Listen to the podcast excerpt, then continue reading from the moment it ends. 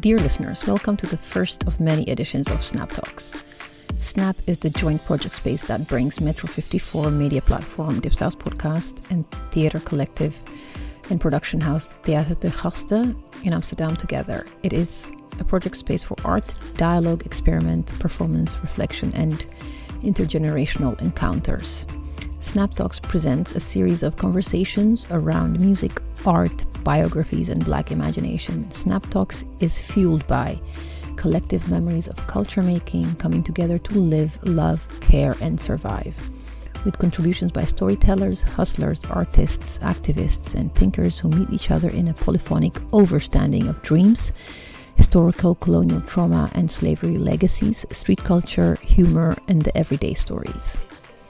On the 3rd of February, we hosted a live show in collaboration with the black owned queer space Barbario in Amsterdam, where we invited Panashe Chigumadzi and Nyancho Nwanri to discuss the various forms of black solidarity, diasporic feelings, and responsibilities, and how music and oral stories ground our thinking around this project. We hope you enjoy the first of many Snap Talks.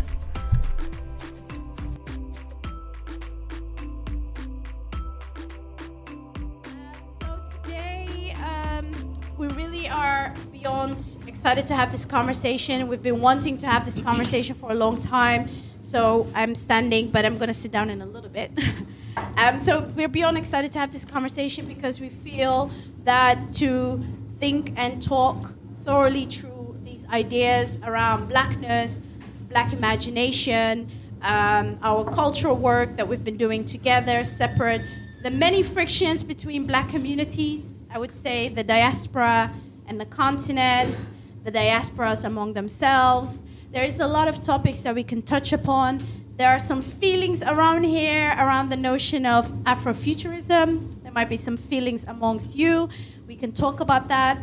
Um, so, in a way, this conversation will be an associative conversation. Consider it a way us thinking together with you. You are welcome to contribute, to speak up. Usually, I have a microphone that comes through the speaker as well, and then I can, you know, bully people a little bit and say thank you for your question or thank you for your um, for thinking with us. But today we have to kind of do that care work together. So my invitation to you is. Um, whatever you're sharing, also mention your name and please come closer so we can talk in the microphone so it's recorded for the podcast as well. Um, after this conversation, um, we will share this conversation online and it will be uh, shared as a recording uh, via Dipsaus. Um, and the wonderful Mariam, who's in the back, will do some magical editing work. Um, air, horn, air, horns. okay. um, so what I will, what we will do is, since this is an associative conversation, I invite everyone to introduce themselves. It's um, to speak for oneself. Uh, my name is Amal Alhaag. I'm part of Metro 54 and together with Dipsaus and the host, I think somewhere here, Senemi Avunu is here. Um, we are imagining a space together called Snap. Um, Snap is a space for dialogue, reflection, art, and making things together beyond um, the reactionary relations we often have with white institutions and the spaces they offer us. So, this is kind of us attempting um, to start with these Snap series called Snap Talks to open up the conversation and be in conversation with you and many other people. So again, thank you, Nyancho and uh, Panashe and Ebisa. I would like to ask you, maybe you want to introduce yourself? Ah, I'm uh, Nyancho Nwanri. I'm a lens-based artist based in Lagos, Nigeria, born in Lagos, Nigeria. Blood is Lagos, Nigeria. Hot like Lagos, Nigeria. Uh, my work revolves around mainly indigenous African spiritual traditions, history, culture, that sort of thing, and all of the intersection of all of that with the environment, social issues, that sort of thing. And thank you very much for having me today. Hi, everyone. My name is Panashe Chigumadzi. I am a writer, scholar, historian, and I would say my work revolves around the work I'm called to do is spirit and struggle. I'm interested in how or what the spirit of black struggle is, whether it is indigenous African spiritualities or it is thinking about independent black churches across the Atlantic, and mostly really thinking about race and racialization, um, particularly thinking about blackness as indigeneity, not just blackness as diasporicity. Um, and I think that's one of the things that's really important for me is thinking about how blackness manifests and is expressed and understood across different geopolitical uh, locations, and that's you know someone who grew up in South Africa. Find myself bewildered sometimes in Europe, like now, you know, um, and also living in uh, the United States. So, sort of moving between settler colonies and that relationship between settler colonies and the metropole is quite an interesting one to, to think through. So I'm really excited to have the conversation with us tonight because Black solidarity is something that's really important for mm, me in my work. Mm, mm. Um, I'm Ebise, Ebise Wakjira, co-founder of Dipsaus podcast together with Mariam in the yellow, fabulous yellow thing. and uh, I'm Shona Zoume, who's in New York. We started Dipsaus podcast six years ago and we also publish books. Okay, I was not supposed to be here. I'm, a bit overwhelmed. It's it's um, it's okay. I mean, we can be uh, overwhelmed from a place of joy, um, and you can also bring the kill, the killing in the killjoy part as well. Um, yeah, I wanted to kind of open it up. It's thinking together. We were discussing earlier um, it would be really wonderful to kind of, you know, immediately dive deep.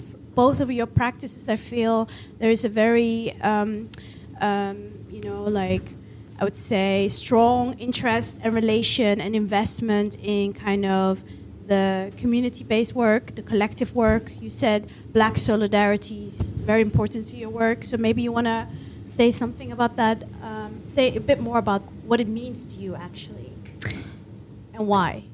I think part of what drives a lot of my work is the understanding that war has been declared on our heads, and we don't understand that we're at war. We have the ruse of liberation, the ruse of emancipation, and so we've been lulled into thinking that the things are all right. We can represent our way into black liberation and black freedom. And what I mean by that concretely is thinking that war has been declared on our heads when it was decided that we are most fit for enslavement with the rise of the transatlantic slave trade. So all black people in fit for, you know, so think about it as the first coming is transatlantic slave trade, second coming becomes colonialism. And particularly for my location in Southern Africa, thinking about the global anti apartheid struggle as really one of the most important in terms of a global black struggle that effectively brought Africa and Afro diaspora together in struggle. And then with the release of Nelson Mandela in 1994, that has collapsed. The struggle between Africa and Afro diaspora, there is no longer the sense of a global Pan Africanism and a black internationalism that bound both sides of the Atlantic, the Atlantic, the Indian Ocean together and particularly then thinking about the central moment, and we can talk about this later, in 2001 at the Durban conference, um, uh, the World Conference, the UN World Conference on Racism, where the African leaders then betrayed the diaspora in their demands for reparations. So, you know, ironically, this was hosted by Thabo Mbeki, who spoke about the African Renaissance right? But what does it mean that the diaspora was asking for reparations and that was laughed off by African leaders? This great betrayal that we have in very concrete terms. Um, somebody who becomes the leader of the African Union. So, speaking about that at that very high level, but really is to think about what is at stake when we understand that we are at war as black people. Um, so, in a very roundabout way, that brings me to my PhD thesis, which is about the Charleston Massacre which is 2015, a young white supremacist terrorist, 21 years old, named Dylann Roof, decides to go and shoot nine black people at the AME church in Charleston in the name of Rhodesia, talking about apartheid South Africa as the inspiration for his uh, terrorist attack, calling himself the last Rhodesian, saying this is what we're going to do. Or apartheid South Africa and Rhodesia are the examples of what will happen or how we can rule as a minority. And we know across Europe, for example, replacement theory is incredibly important in the psyche of a lot of these young white supremacist terrorists. So I, I spend a lot of time on their manifestos, not because I'm interested in explaining a white whiteness, but it's because I need to understand my enemy better mm. than he understands himself. Mm. And so, what is important then is to think about the fact that, or what is interesting is to understand that these white supremacist terrorists, whether it is Tucker Carlson, whether it is uh, Dylann Roof, are very aware that their survival as white people is linked to a global white settler international. You talk about white genocide in South Africa, that's what Tucker Carlson on Fox News is talking about. Um, and so, as we as black people then are then clinging to the nation state as the sort of horizon of our freedom. So, we're talking about ADOS in America, for example, where we're thinking about how my freedom as a black person must be infringed upon by the freedom of another black person who's a foreign national. I come from South Africa where people are being burnt by virtue of the fact that they are so called foreign mm. nationals, mm. right? So, this death mm. of this black internationalist idea, and it's to say that it is not an ideal just you know for the AU. We cannot afford not to because war continues to be declared on our heads, and that's really the important dimension, or what really drives a lot of my work, and thinking about even organizations like the AME Church, which Dylann Roof targeted as a victor of a Pan Africanism and an international ideal that moves beyond the likes of the AU. And I can explain later, particularly thinking about how these global black movements and religious movements moved between South Africa, Rhodesia, all across the world. But the key thing is to think about how have black people understood freedom and how have we acted in solidarity when we have understood the terms of engagement, which is quite different from, I think, right now, where we're lulled by this false sense of. Uh, you know, freedom because, well, hey, there's a black person in parliament. Hey, there's a black person who's an MP. So that's really the impetus for, for my work. Thank you. You you were not playing around when we said uh, no. let's let's go deep. Um, I I would say I let's hold on to it and let it you know sink in a bit, and then open up for you, and then come back to it. Is that okay? Yeah. Maybe you want to share also with us what you your first ideas or thoughts. You know what you think about Black solidarity. solidarities. Also, when you said you're born, raised, your practice is based in Lagos. Nigeria. Um, sorry? I look Lagos. Don't oh, yeah. Okay, I sorry. don't know. I'm just playing. I'm just playing. Um, you, you, can claim it. When I think about Black solidarity, for like with most of my work as an artist, and beyond that, even just most of my life, it mostly boils down for me. I always boil it down to the individual, you know. So I'm happy that she's spoken about the wider context and the, the intellectual side. I look at it from the side of taking personal responsibility. So we know these things, we talk about these things, there is discourse going on, we're sitting together, we're having the conversations, but then when you leave those conversations, what comes next? Those are the questions that come to my mind when I think about black solidarity. How do I uphold black solidarity with every single black person in this room? Whether it's within the global context, whether it's a, on a one-on-one basis, whether it's on a in terms of just daily life, basically, not just in terms of maybe the work we do or in the art space or in the workplace. As people in general, how do we interact with one another? As black people? How do we see beyond the, the various veils that are put in between us? We talk about the diaspora and then the people on the continent. It's like, what makes us different, really? You know, how do we move past those differences? How do we stop to focus on the differences and see ourselves, you know? In Mandinka, in Gambia, my mom's Gambian, right? You go around with people, the guys in Mandinka, they like to say, Mbe killing. We're one, we're one. You hear that all the time, but then how does this oneness show up every day?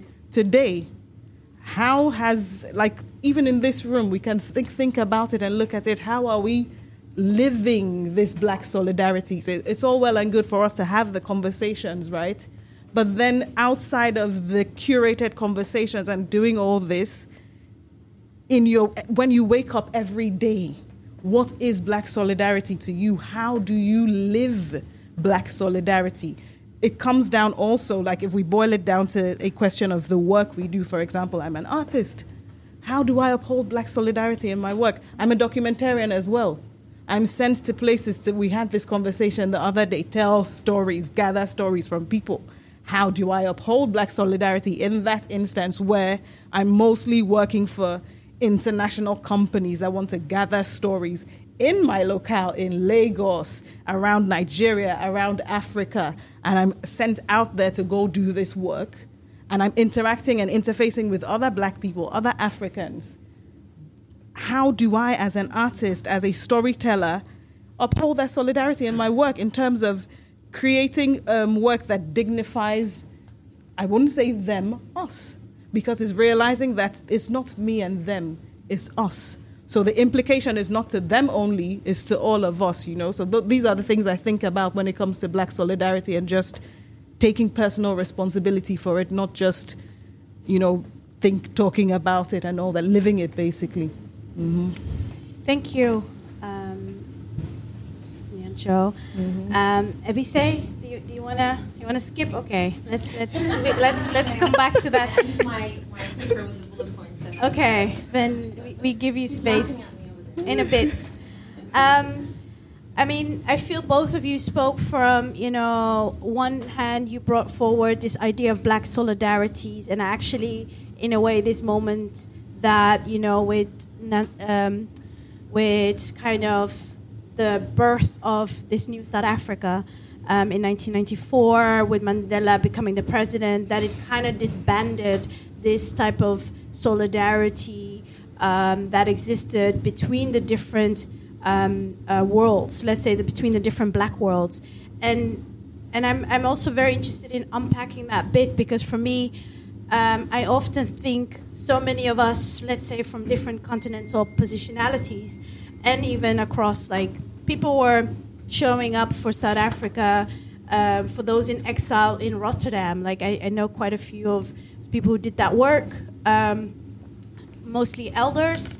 And I'm also thinking about what does it mean for us to show up for particular black countries, you know, for particular black spaces or black uh, uh, uh, uh struggles while others are literally at the bottom of the sea. You know, I'm, I'm, thinking about, you know, then I think, I mean, I'm, I'm, it's bringing together South Africa as a very important moment. I think it's very, that you brought this forward, um, uh, which in a way symbolized, of course, um, um, and was born out of the previous multiple struggles, the, the, the, fight for the freedom of Angola.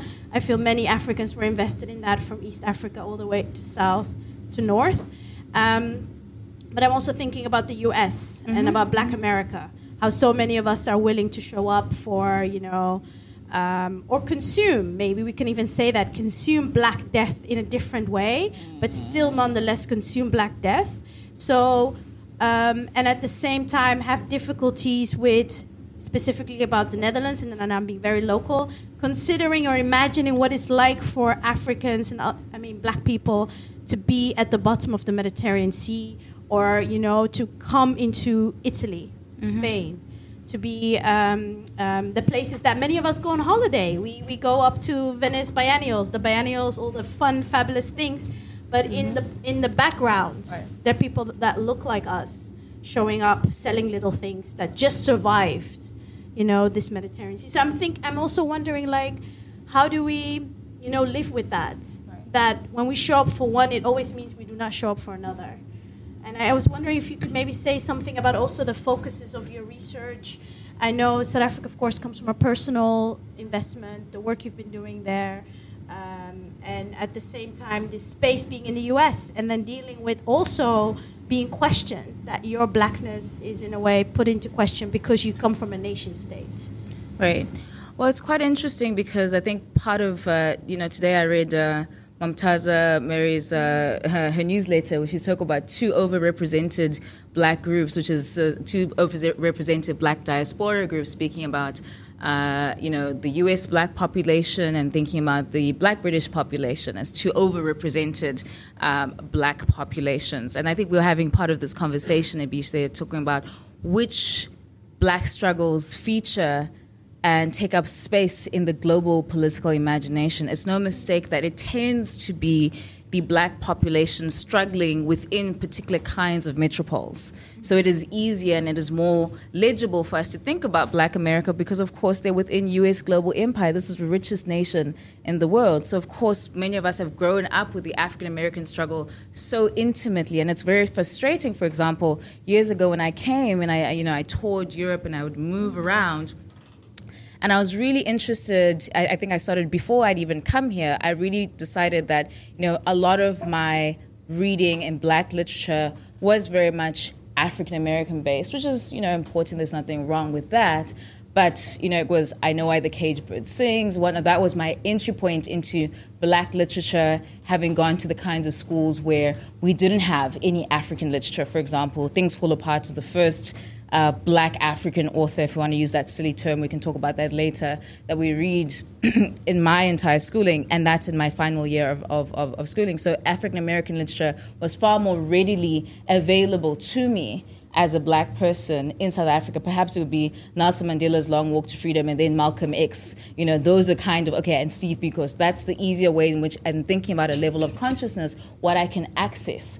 Um, even the idea that there are black people in Europe, I mean, maybe on the Cosby show, there's, you know, um, what's his name, Jeffries, right? There's a particular kind of way in which, in the global popular imagination, it's very difficult. I mean, where was that show in in the black the black British show about the the the, the Caribbean family. The Desmonds? The Desmonds, exactly. You know, so you'd have those kind of things. So that's the first way in which you're being introduced to the fact that there are black people elsewhere, right? That kind of, before you get to the books, you're seeing this on TV. Which black people have access to that, right? Of course, then the black people then we also have access to is black people suffering in strife and warfare. It's not the kinds of black people that we're striving towards, right? Um, and already there's the global media that we have around which kinds of black media, black peoples are we striving to be? Like, are we trying to be like the Cosbys? Or are we thinking about the children in Africa who are starving? And I'm saying this very particularly because I am living in South Africa where there is this idea that Africa is out there, it's not here with us in this country, right? So that's an important dimension. And that kind of um, access to global empire and media is very important in thinking about the first level of consciousness. But more importantly, there's been a conversation that many of us have been having, and why I specifically mention that fall of apartheid is not just the end of uh, the anti apartheid struggle, it is the fall of the Berlin Wall for example, there's this idea that globally we're moving from, you know, the socialist, perhaps communist struggle. It's the end of history. So now we're moving, moving into Western neoliberal democracy. So the kind of consciousness globally that then is enabled in that particular moment, a particular kind of consciousness around entering the neoliberal nation state becomes quite important for all of us, right? And so for me, it's then begun be to think about, well, if I come to Europe, how then do I think about black struggle not just through the lens of African America, for example? How do I know what the sort of German black struggle, Afro-German struggle mm. is? How do I know what the Afro-Dutch struggle is? And we can see it in books very often. It's frustrating that people will always speak to it through the lens of African America. Now, that's a double edged sword. On one hand, there's the anti black accusation that we'll have in our countries, which is to say you're importing the American experience. That's problematic because nobody says you're importing the German or the British experience when you're writing about Marxism, for example. Why is it that Manchester in the 1830s is globally universal, but somehow an African American in Alabama is not? Or oh, is not universal for me as a black person in South Africa, right? So there is that anti-blackness about blackness can never be universal. But I do think that it is also important then, those who then do right, I do think we're seeing a turn away from an internationalism, not just African Americans, but I think generally with a particular generation and the most visible of writers, we're seeing that there is a kind of idea that the struggle is not between the world and them, but really between the world and well, themselves and the African American nation state. And I think that's problematic because what you then see is that when we then begin to speak about troubles, there will always be, well, you're importing the African American experience. This has nothing to do with that. I think you see that a lot in Europe. From my experience, that also ends up being that. And it's important that we excavate the specificity of black struggle in their countries while also being able to link that to struggles and not just the ones that are the most global or the most consumable. It's yeah. Thank you also for sharing. You know, bringing in Momtaza because I think Abise read it. I read it and knowing Momtaza as a Somali British poet, um, I mean, a brilliant mind. I recommend, I think we all recommend for, for all of you to read her work. Um, it's also important to mention that I think that, you know, we're, we're also talking about language, right? Mm-hmm. Like language, the Anglophone empire, if right. we can break it down to what it actually is. Because also in the imagination, when you were bringing forward this idea of, you know, um, the fall of, of the wall. I'm thinking also about black people who are Arab speaking. For them, that was a irrelevant realm mm-hmm. moment in history, right? I mean, it's it's worldwide relevant, but to a degree in the everyday life. And I'm bringing in what you were speaking about, or in Marxist Ethiopia in that moment, was it relevant? I'm, I'm, i mean, if we're going deeper and, and, unpacking this onion of specificity, then I think we also have to consider. Um, how do we access these universal moments, these historical moments? Because when I talk to some of my family members who are living in Dubai, or you know, I'm thinking also about like some of the Sudanese people that I know, and I ask them, "What did this moment mean to you?" And they literally look at me like, "Nothing." But that moment that that person went to Hajj was a very special moment because when Malcolm X went to Hajj, this and this and this unfolded for the black imagination of Muslims. So I, I'm also thinking about these kind of, you know, the way our these different complex universalities, although I don't really like universalism as a concept, but also the way we are that all our differences sometimes can still sit together. But the question is, how do these differences sit together? That, you know, when you speak from the Gambian, you know, this, was it Mandinka? Uh, concept that oneness and and I think about Somali concept, and I think about Somali, for example, the breakdown. We're one against everyone else. Mm. But the moment we're in our clan system, then we're definitely not one because we have a saying that it's me against you know my clan against other clans, and my uh, sub clan against other sub clans, and then my family against other families, and me against you. So it's kind of it's it's a philosophical system. It's not meant to kind of always to go to war, but to be ready mm-hmm. for whatever that is coming that wants to break down the core of your being. Um, and I think about when I when I think about that, it doesn't rhyme with some other African philosophies, right? Like it sounds like we're always ready to burn shit down, which is kind of true, but not not always. But I, I, I, want to bring together the. It made me makes me really think about what you said also about you know the complexities of um, the specificity of you know claiming um, uh, Martin Luther King um, as a universal being versus the way we are spoon fed with Marxism as something that is universal. And I think about being in specifically in the Netherlands and the way we are taught about the dead Frenchmen, the philosophers, you know, Foucault, etc., etc. I think all of you can close your eyes and can imagine them. But I'm thinking about you know these type of ways that these philosophical realms um, shape also cultural production, right? But then on the other hand, there is the everyday life that you're speaking about, the way the everyday life informs these philosophies. Um, and I just wanted to bring in, in, in maybe you want to respond also to what Panashe was saying, like how you relate to it, how you can think together with what she was saying from your own artistic point of view, but also this desire to be in the, to often think from a place of action uh, in the everyday? I think a way a way to, to look at it is when you uh, talk about someone like maybe Malcolm X being a universal figure. I think people like that are, are a universal, let's use that word, figure at a certain level. But like you say, when you break it down to the day to day, if I go to, I don't know, maybe Oshogbo in Nigeria, how universal is Malcolm X to the people there? How relevant is he to their struggle there? As black people, as Nigerians, I think maybe a way to look at it is looking at the, the, the intersections or the connections of the struggles that we are facing, not necessarily through um, historical figures or international figures that have um, spoken about or fought for those struggles, but right now, what is relevant to them as black people, what is relevant to them as Africans in their own local context, you know, what what speaks to solidarity for a person in Oshogbo? Is it maybe, I don't know, um, what can I use an, as an example? is it is it the the festival itself that brings so many people together in spite of their their religious or spiritual beliefs you know is it the language they speak that when you languages open doors you know there are places you go to where I've been in situations like that myself. I go to a place and I just know one word in the language.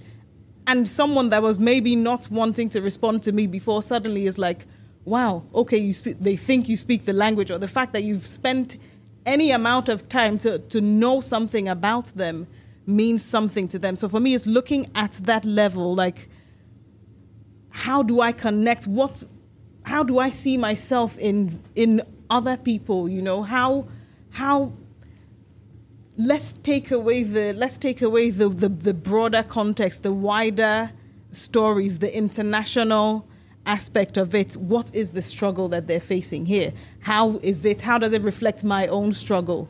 How does it reflect the struggle of someone else in northern Nigeria that's facing something else, whether it's Boko Haram or something else? There are intersections there. How do we then connect those intersections instead of saying, oh, we have that in Nigeria as well? When you talk about this thing about against me against my clan it's very it's not just Somalia. It happens in Nigeria as well. It happens in Gambia.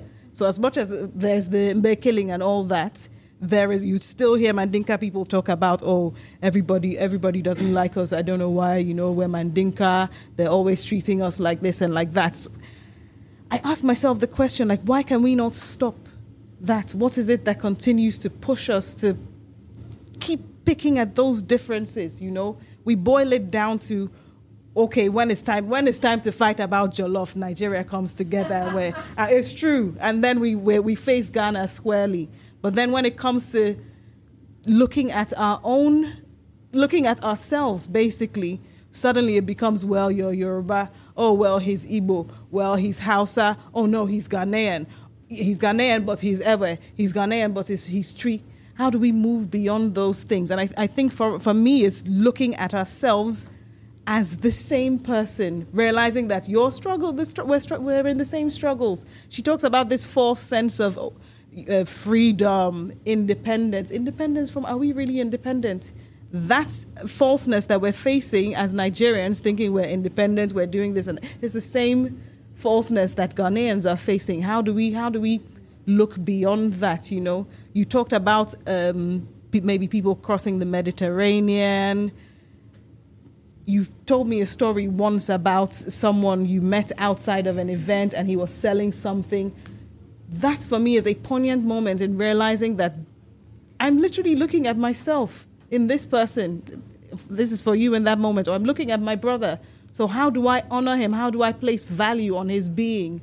How do I how do I stand with him even as um, how do I say it? Maybe like as a creator, how do I how do I create things that dignify rather than rather than bring in differences? You know. Mm. Um, I think you took the you, the wind uit de zeilen genomen. What's the Dutch? The wind out of my. Yeah. Oh, um, my Dutch is not too bad. Afrikaans. um, I think what I would like to, uh, yeah, I don't know, add or maybe intervene. In, oh, sorry, Mariam. Um, is that when it, I think, not necessarily from the continental African perspective, but from from the point of view of where I am at the moment. I've been mm-hmm. living here way too long to say that I'm mm-hmm. African. Mm-hmm. Uh, I think it's what you said, Panashe, I think it's uh, important, but also it's, I think, good to realize for people like us in the Netherlands and probably in France or Germany that a lot of the history of black internationalism is unknown to Mhm, us, to mhm. many of us. And how can we go back to that, what fell apart in 1994, even if we don't know Mhm. what, what was there before, in the first place? I think that's, um, you did touch on it, language is, a, I think, a big, uh, huge barrier, but also like the, the, the society we live in, Europe, Mhm. the European Union, it is Mhm. the way knowledge sharing is uh, gate being, it's being, how do you say it? Gate, gate gate kept. gate kept. That a lot of us don't know all of these things. We don't know like the, the solidarity movements within the African continent, even during the Cold War. Mhm. So I think it's difficult for me to um, bring all of this together because I think we're busy kind of discovering each other in the Netherlands. Like the majority black, the black diaspora in the Netherlands is discovering that there's another form of blackness, Mhm. Especially uh, after the, the influx of a lot of um, refugees, not just immigrants, refugees from Africa, from East Africa mostly. And I think we're still trying to figure out how we fit together. Right. And I think we've been skirting around the frictions. We, we don't want to address the frictions. And how can we move forward together if we do not a- address the frictions? That's what I would like to Well, can I say two, a couple of points? One, just to say that the discovery that there are other types of black people is always a really interesting thing. I mean, I'm from Southern Africa. This spice thing of West Africans is not universal, for example, right? People, you know, I put a little bit of spice, I cook some spice for my parents. It's like, what is, you know? Just to say that at that very, at that everyday level, thinking about difference, there's ways in which we will think from our corner of the world, this is the universal way of being African. So it's always interesting to me when people speak about Africans love spice. I'm like, you haven't mm, been mm. to Southern Africa. Mm. At best, it's a little, you know, and, and it's, it's a silly, but it's an important thing to realize that there's so many ways of being that we take for, for granted until you are in contact with other Africans, other black people, so that blackness has its very different kinds of manifestations. And I think that's really important for us to be able to hold that difference. And even thinking about language, one of my favorite things, even on Twitter, as a site of this sort of influx. Um, of, of, of, of global blackness, but also exposes a lot of the, the, the, the frictures, again, the, the strangeness of a sense of there's this instant and dizzying uh, global connectivity, but it feels that we're a lot less informed about each other. If you speak to people, again, I'll refer to the anti apartheid struggle, people talk about a single book that would be photocopied and sent around the hmm. entire country. These were banned books, but people would make sure, I mean, you'd read The Wretched of the Earth, you'd read all kinds of books, an underground network of photocopied, and it would move, you know, around, and people were hungry, had this desire for each other. And that's why a lot of my research is specifically thinking about the 19th century, thinking about, you know, the rise of the AME church, where you're thinking about the fact that people where, you know, you, it takes, you know, a couple of weeks on a ship to get to America. It takes a letter to find, but somehow people are imagining beyond themselves. And I think a key part is the fact that at that moment there was no promise of citizenship.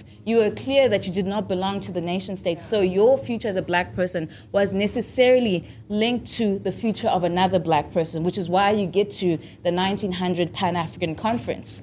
For example, because people are very clear at that moment. When you think about Henry Sylvester Williams, who was a, uh, a Caribbean barrister, was the first black barrister in South Africa, for example, he convenes that before even the likes of Du Bois, because it's very clear that we as black people in this immediate post slavery moment need to come together. And that's where then Du Bois speaks about the problem of the color line is the problem of the 20th century, right? So that's what I'm speaking about that ruse of emancipation that once the nation state becomes the horizon of our freedom. And that's why sometimes I don't always buy this idea that we don't know because I think about, well, think about the lack of resources that people in those, those generations might have had, but somehow me with Twitter uh, and who can access and DM people does not have that same kind of curiosity about my fellow black brother and sister, right? So I think that's a really important dimension. The other thing that I think is quite important, or two more things, again, is this question.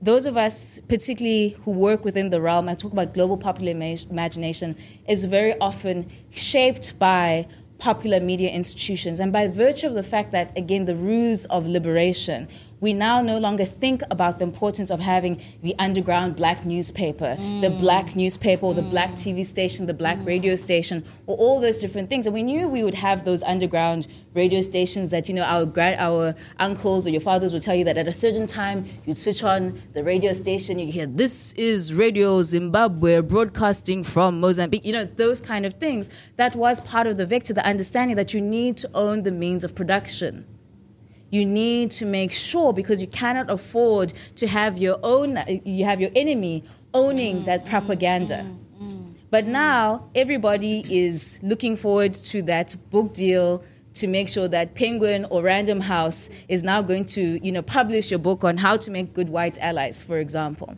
right? Are we thinking about the fact that we as black people very, very seriously, we've jettisoned that need to have black institutions and we've diluted the very little power that we had and spread it amongst and I'm talking about myself I'm in a very the height of white institutions right? And we see how many of us struggle in those spaces and we think about what does it mean that we've abandoned our black institutions?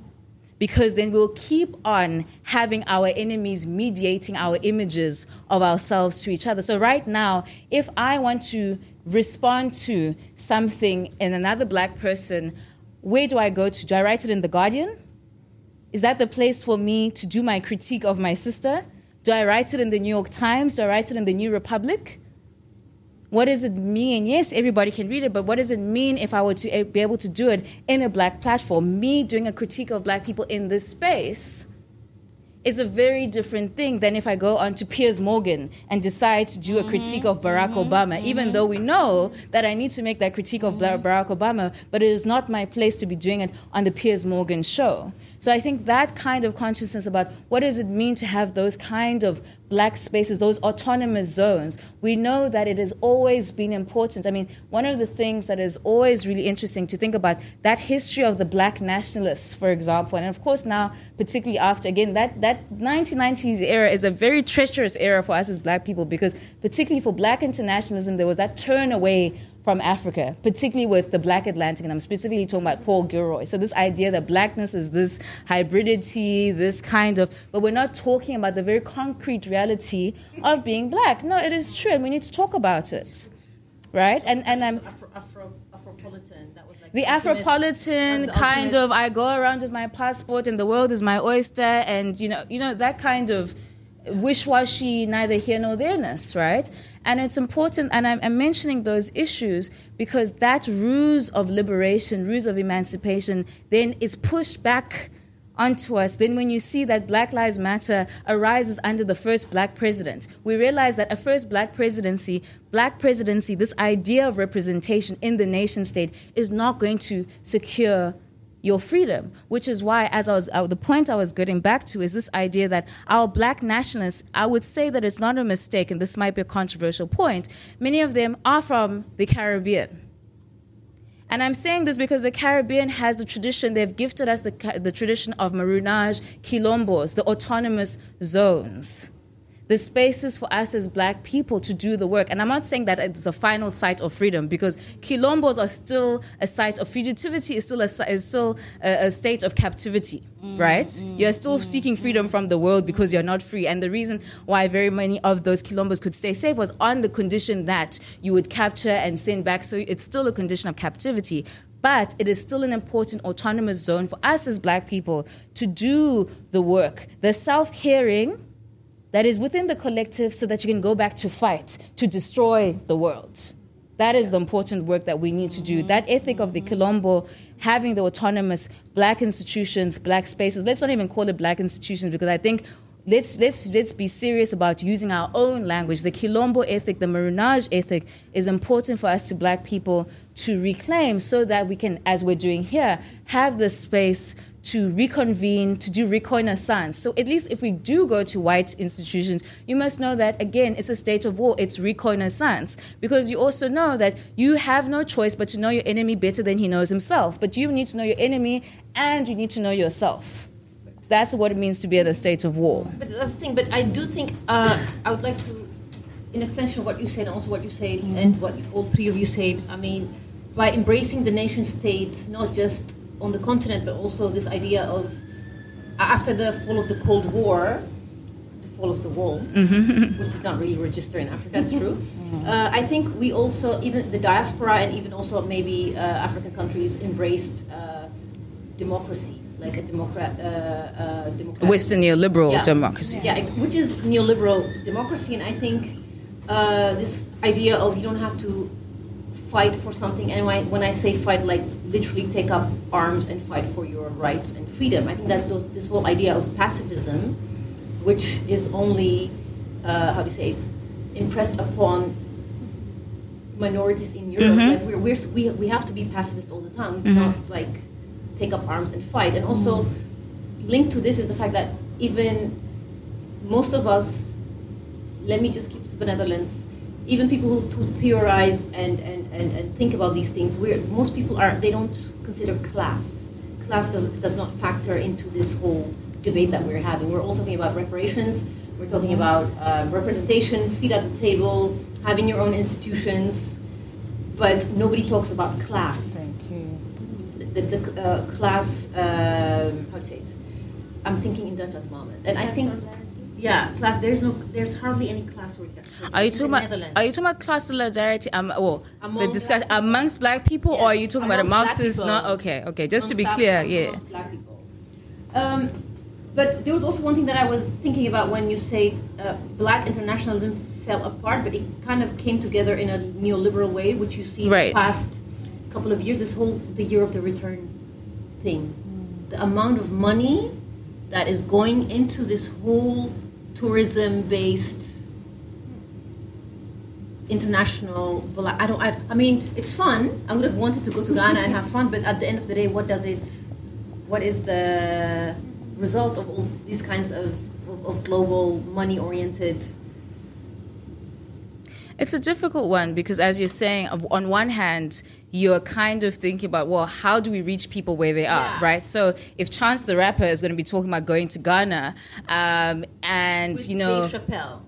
with Dave Chappelle, Ari Lennox, okay, uh, it's talking about going to Ghana. It changes the conversation. If Noname is talking about that, whether we like it or not, I mean, look, I'm speaking at this level, but I also watch The Shade Room, for, for example, right? I sit on The Shade Room, I watch Real Housewives of Lagos, I watch Real Housewives of, of Durban, and it's interesting to think about what are the entry points that people have into imagining other groups of black people. And very often it might be these neoliberal forms. So it's Netflix, you know, young, rich, famous, and African, for example. We're thinking about those diaspora anxieties. We're talking about the Fenty Rihanna launch that, oh my God, Zimbabwe didn't quite show up with the right makeup. You know, the South Africans were the ones who showed up the best, the Lagosians, you know, those kind of ways, unfortunately or fortunately, are the ways in which most people are tapping into and thinking of. I mean, today we're watching Mr. Ibu, for example, right? A lot of us, the first imagination I had of Nigeria is Nollywood, right? Before I start reading about Tafawa, Balewa, I start reading about Biafra, it's Nollywood, right? When you go to the salon, Tokyo is doing your hair. There's a lady who used to do my hair, for example, and I'm watching Nollywood, and that's my first entry point into imagining, wow, beyond the other global black imageries that I'm seeing, the Cosby Show and whatnot, I'm now seeing Genevieve Nnaji, for example. Right, I'm now seeing, you know, all the, and that becomes an entry point and a gateway into something else. So, on one hand, I'm not entirely against the idea of even Chance the Rapper saying, let's have a Black Star line, for example, and invo- invoking that. Even Beyonce, for example, and Lion is King, and we can have a whole conversation about that because for a lot of people, no, I think it's an important thing again because look, on one hand, we can have this geopolitical conversation, right, about these things, but it's also talking about how do I talk to my hairdresser about what is happening in one, two, three. Where are most people having this conversation, right? On the one hand, I can say that you're gonna most people will not be able to tell you that the Berlin Wall fell, But they're the same people who are suffering under the effects of structural adjustment. They don't need to know that, okay, that changed the geopolitics, but it's affecting the fact that they can no longer go to the hospital and get particular kinds of things. So geopolitics cares about you whether or not you care about it, mm-hmm. right? Yeah.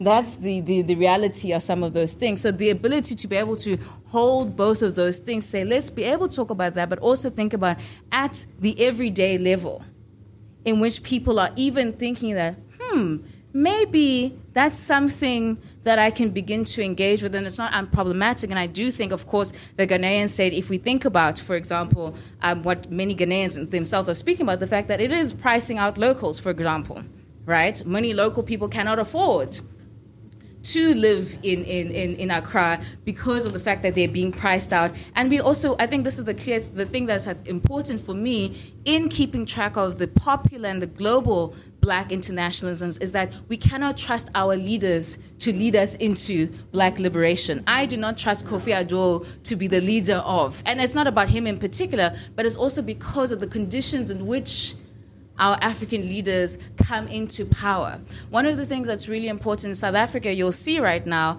is that it's all about the fact that, oh, we no longer have power. We no longer one, two, three. Some people might whisper, it's becoming like Zimbabwe, it's becoming like Africa. One, two, one, two, three, right?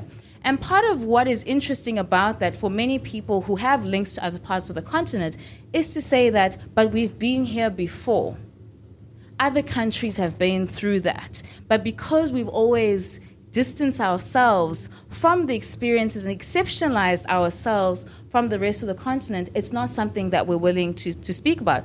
But more importantly, if we were able to make the linkages with other African countries, we would be able to see that part of this condition that we are dealing with is a structural and historical condition, such that it would have also been Mandela. It didn't matter who the president was, it is not a good governance issue that we're dealing with fundamentally. We're dealing with the fundamental ways in which African nation states were fundamentally meant to be extractive.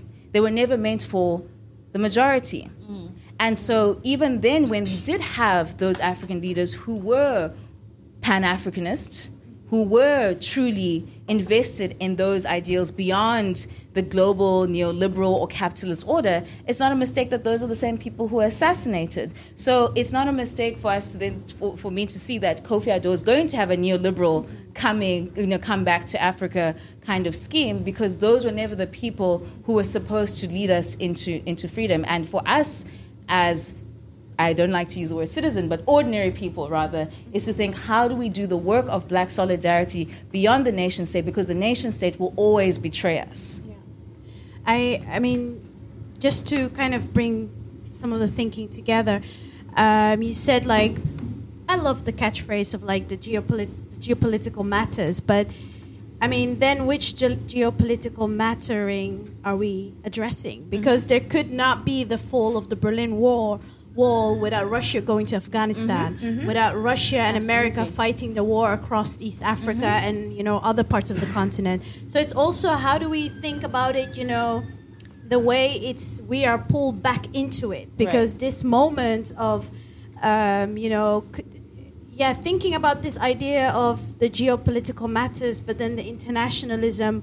When I think about the people on the continent in general, at the moment, most people cannot travel. They mm-hmm. don't even have mm-hmm. access to come to the West if they want to. Mm-hmm. But the biggest problem is people can't even travel across the continent. Right.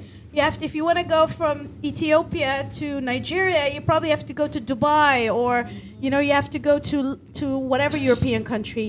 So and I'm thinking about when, when you said about the internationalists, I was also thinking about the moment in the 70s when many different nation states had airlines. Like there was the Somalia airline that was going to different parts of the continent.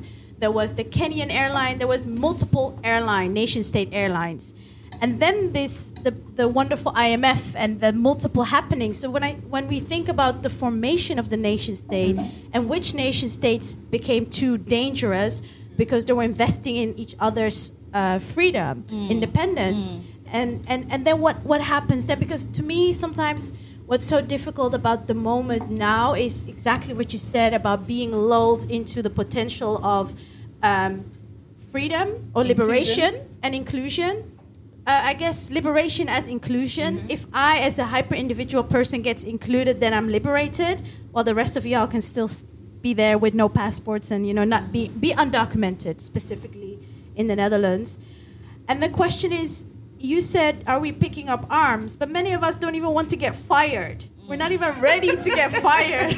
We're, we're not even close to picking up weapons, you know? Like the first question, I think, in, in the Netherlands are you ready to get fired? It's, it's a very simple one, you know? Are you willing to give up that which you gained to practice a tiny bit of the everyday freedom for others? Mm. You know? And I'm, and I'm thinking about that as someone who just gave up some fucked up situation with Goethe, uh, where I was like, is it worth it if it's a project called Practicing Freedom when I'm locked up in some bullshit agreement? So it doesn't make sense. I'm also bringing it a bit also back to what you were saying as an artist and the can you connect to others? So what what does it look like uh, for you, Panashe, like in the everyday when you think about you know um, the um, let's say the '94 moment and this shift in solidarities? What does it look like to you today if it means that we have to collectively watch um, Nollywood films, you know, either to connect to each other um, and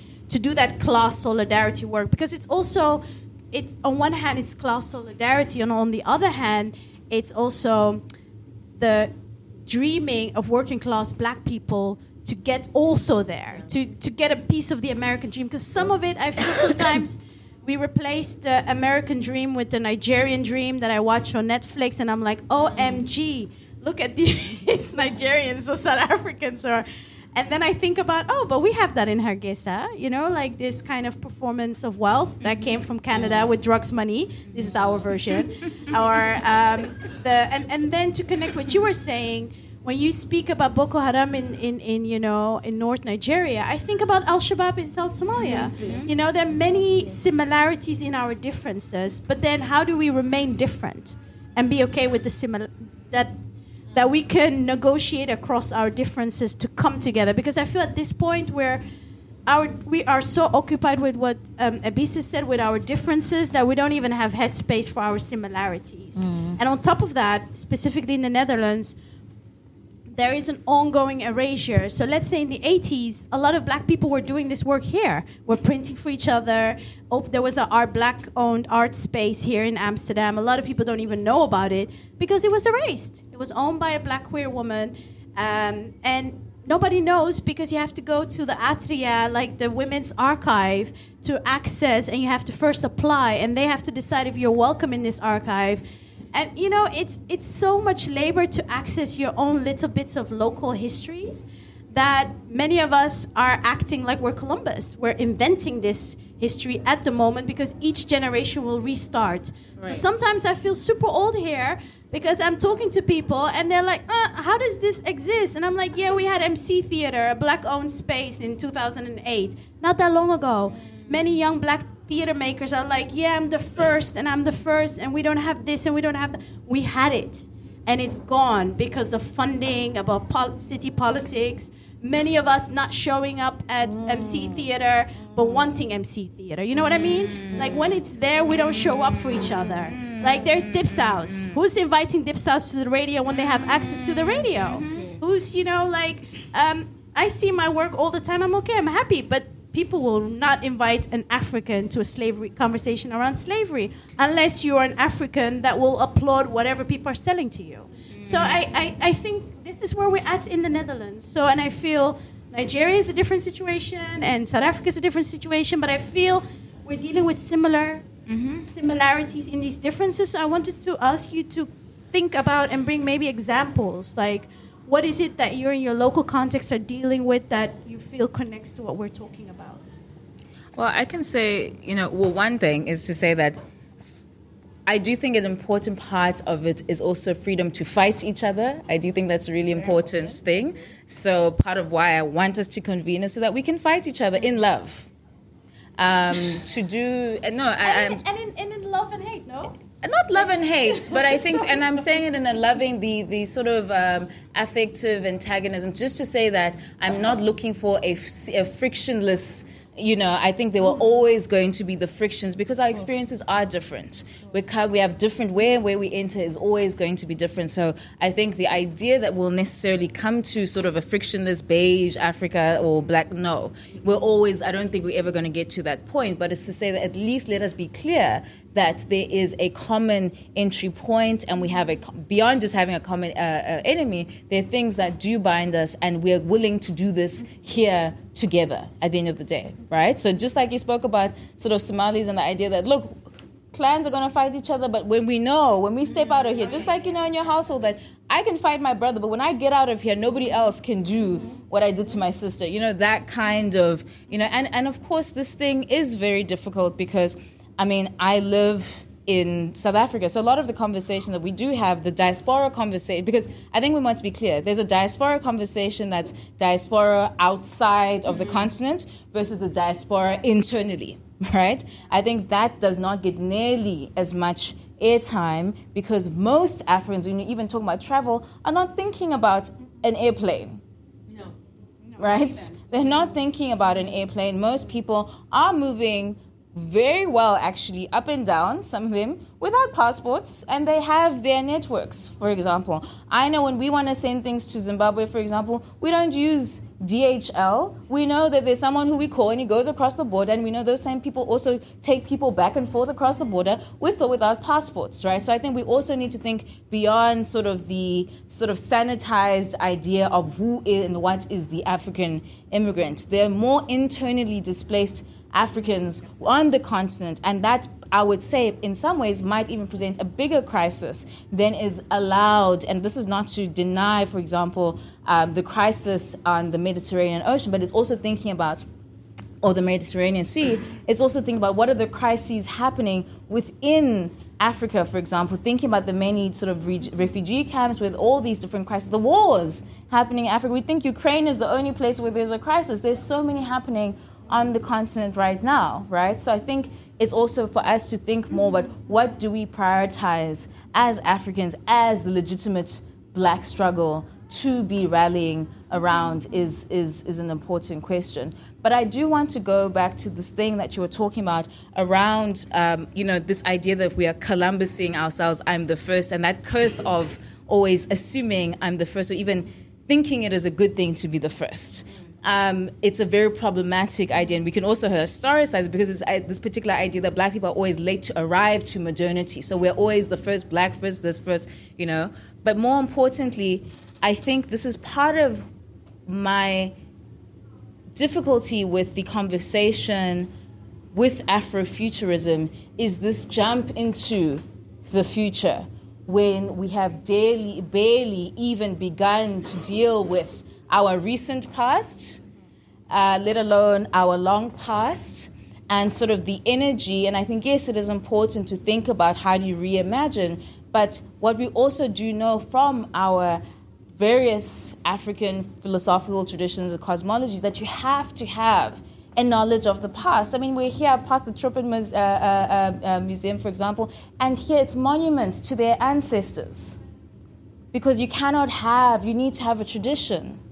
And that jettisoning of tradition, we know why we've been cut off from our traditions, is part of a very deliberate idea. So someone can quote Aristotle, someone can quote Marx, and it's always universal. For example, you quote Nkrumah, and that's old school, that's outdated, right? This idea that blackness cannot travel across time and space. And you always think about that idea of out of Africa, always something new. Think about, you know, Flavor Flav and that big clock that he had. What time is it when are we as black people? And I think that's part of the condition of the new world as black people as enslavable is this idea that time is not our own.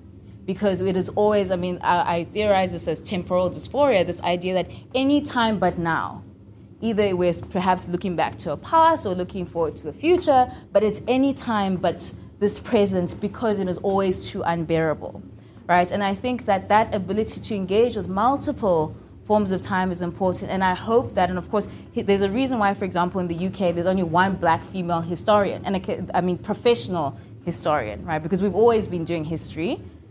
The idea that there's a, someone who goes to university and does history proper according to Hegel, there's a reason why there's so much gatekeeping, because history is really the center, the core of being Europe's being, for example. And if we have access to that, it really changes the terms of engagement. For example, as we see with this current reparations debate, right? That your access to that. And so I would hope that especially for those few of us, unfortunately, who do have access to some of those institutions, can we do what we need to do to also get into those archives and do the work, but also to understand there are multiple archives. It is not just the archive of paper, the archive that sits in the museum. It is also talking to your elders, taking time to actually sit with and engage because they have important knowledge and information. And very often I say to people that it is as basic as saying, and we're talking about what it actually looks like, is to say, Black solidarity is not just across that kind of time. It's also across. It's, it's, it's not just across space. It's also across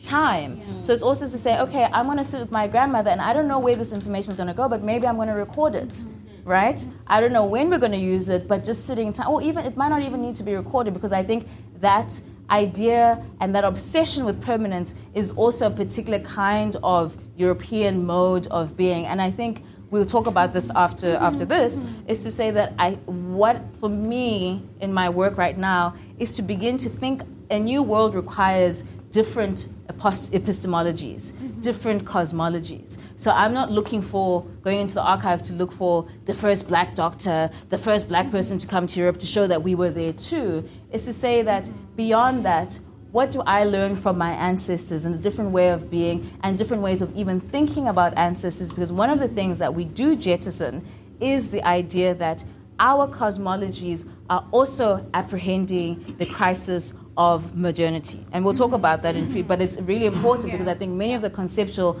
lacuna that we have when we're stuck in European epistemology will be lost or we can get through them if we begin to think through Afro and African epistemologies. I want to come in from the place where you spoke. I think it was you that spoke about curiosity about the other, the other African, the Ghanaian, the South African. I think that's a very important point to touch on because how much of that curiosity is there is what I ask, you know? Like you say, we have the Netflix, we have the Nollywood, we have the other things, but how many people are actually digging beyond that, you know? How many people are actually asking, how many of us, let me not say people, how many of us in this room, how many of us as black people, how many of us as Africans are asking questions beyond that? How many of us are actually digging in? How many of us go to these other spaces and just move through as tourists as well? You know, you come to Nigeria and you go to the Yankari and you go to Ghana and you go to Aburi and you do all that. But how many times do you stop to actually have genuine conversations? How many times do you stop to create a space of care and curiosity between yourself and the next black person you're looking at and the next African you're looking at? I think that's an important point to start from because it's all well and good to to to to speak about it in in a sense of I don't even know the word to use for it, but again, like I say, it comes down to some somehow like what you said about the present moment. You know, there's the past. We're thinking about the future, but what's happening right now? Every step you take is pushing us towards a future, right? So how is your going to Ghana? Fine, we'll go for we we understand the whole um, year of return the, Ghana- the, the Ghanaians I've spoken to are not pleased about the whole year of return situation, but you went there, you went to South Africa. When did you stop to ask questions? When did you stop to delve into their own issues? When did you stop to find these points of connection, right? Because we always say there are points of connection. We have our similarities, but do we actually stop to connect with one another on that level. And it comes also back to this uh, thing that you're talking about in terms of black spaces mm. and doing the work, that sort of thing. Like, how many of us really value our own local spaces? You know, looking at the art scene where we're all, you know, everybody wants to be with the Rijksakademie, and mm-hmm. it's true. It's true. You see it amongst. Let me look at the Lagos art scene now. Everybody wants the international thing. You know, everybody wants to talk about how, oh, my work was in Foam magazine. Oh, my work was in this. But there's work to be done in Enugu State, mm-hmm. right? Go there. create the work? How many people are engaging with the communities there? You know, how many people are creating work for the people? Are we creating work for the people? Are we creating work for ourselves? Or are we creating work just to, to place ourselves on an international stage? And what does this international stage mean for us? At the end of the day, we're not, we don't factor in these international spaces. When it comes to making decisions, how many of us sit at those tables making the decisions? But then we abandon our own at home where we could come together as art. For me, right now, as an artist, the most important thing is collaboration. I'm going to Cape Verde. I want to co- co- collaborate with Cape Verdean artists. I'm not doing it because I want to come to New York and show the work. I want to show the work in Cape Verde during the Tabanka Festival, which is a festival that was created to mock colonialism, which was a festival that really, um, how do I say this? Like, is a brilliant example of how the seeds of, of the war against oppression always comes from the culture. How many of us are delving into that culture? There's the popular culture, right? Everything Afro beats. It has its place. But are we digging? It's true. I will dance the Wizkid every day, but I'll go How many of us are going beyond that, you know? collaboration. I keep saying this thing among amongst artists, and I'm I'm blessed to be in a space where I'm I'm I've connected with other artists that place emphasis on this collaboration, that place value on our own spaces. Right? There's Documenta, but there's also Bamako. Mm-hmm, There may not be Bamako, but how about we come together and create our own thing, you know, and place value on that? Why is why is a, a, a documenta or, a, or another international thing more valuable than ours? Why do we, why do we, yes, I know they have their place, they, they, they do their thing, it's good for visibility, it puts you in a, at a certain level, okay, yes. People want career progression, there's nothing wrong with wanting career progression. But for all of us to progress as a whole, when do we actually stop to say, okay, maybe we should start doing something here, you know? How do we take this gathering right now to Gambia, to my mother's village in Brufut? How do we make it accessible to them? How do we have these conversations with them? It starts from that place of curiosity, of asking these questions first, and then, like you say, building the systems, be it underground, overground, whatever you want to do. But realizing that we need to, we need to start to think in a way of like place emphasis on collaboration because it's all like the saying goes go fast go go alone go fast right? Go together something something happens. I don't know. I don't know. I'm not sure.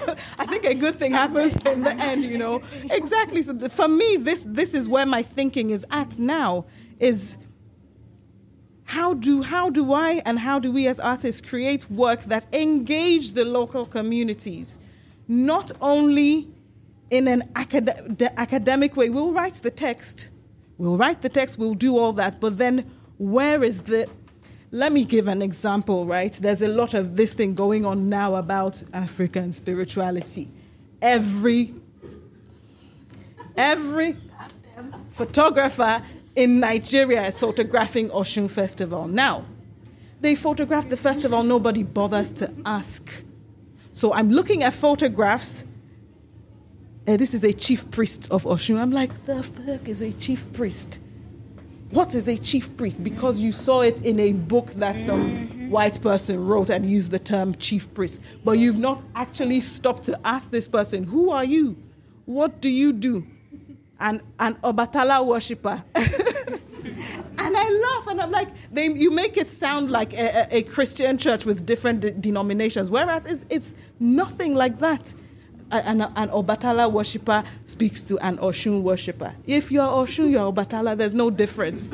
The energy doesn't dis- discriminate. But then we, you see this thing happening like, is this this I, I, don't know whether to call it performative thing of oh we're going back to, to the past we're engaging with our with our traditions and all that but on what level are we engaging with those traditions like you said before it's still from the from a colonial gaze because we're fed with that imagery we're fed with that language we're regurgitating those things and i ask that question again how many of us are moving beyond that They've attended the Oshun Oshogbo Festival. Wonderful. You've pressed the shutter. Click, click, click, click, click. Images are brilliant. But then, how do you how do you write about that? What language are you using? How how how conscious are you staying of the fact that your language is either moving us forward or keeping us in a place that is damaging to us, you know? These are the things that, that come to my mind when I think about that.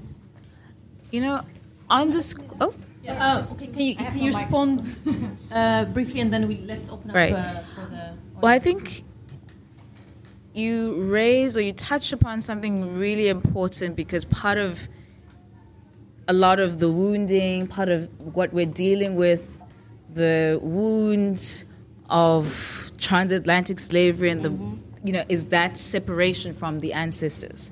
And you're right to say many people are wanting to go back, whether it is through my only access for me. I'm living in Alabama. I'm living whatever is to go through Wiz to go see Wizkid in Miami or to go see Ari Lennox in Ghana or whatever you know. But more seriously, at that spiritual level, my question would perhaps be, I, what, I think I have a lot of patience for people's entry points um, into some of these things. Um, as you say, it's okay to start with Wizkid, and he does a very important job, just like Burna Boy does an important job. Very- very important. Very important job. Um, but then is to say, to use a notorious term, it's a comma, not a full stop, into a more important, and it's a journey. Because I don't think that we understand, again, when I say war, it's not just the material, it is also the metaphysical war. There's a reason why our ancestors' bones line these museums. There's a reason why when Queen Elizabeth was buried, they sacrificed a goat. Was it, what did they do with that goat that you saw? That there was a goat. Go and Google that. There was a goat. Uh, We watched that thing. There was a goat there, and exactly, uh, please. that's the question. But your ancestors could not do that, and I'm saying it's saying this as a joke. But the point being that that is the very heart of this is that negation of being. When people ask, what is the particular wound that we're dealing with with black people? Because yes, we have done different things, but the wound is that negation of being. And at the core of that is spiritual, is cosmological. So when a young person, and the question will be, why are they going to Oshun? Maybe I just want to buck National Geographic needs a picture of a chief priest. Mm. Okay. But perhaps I go and speak to my grandmother, and she doesn't want to tell me what that thing is because she has become a nun or she's become she's been separated from that. Mm-hmm. So my usual channel to find out to gain entry point might be that white anthropologist.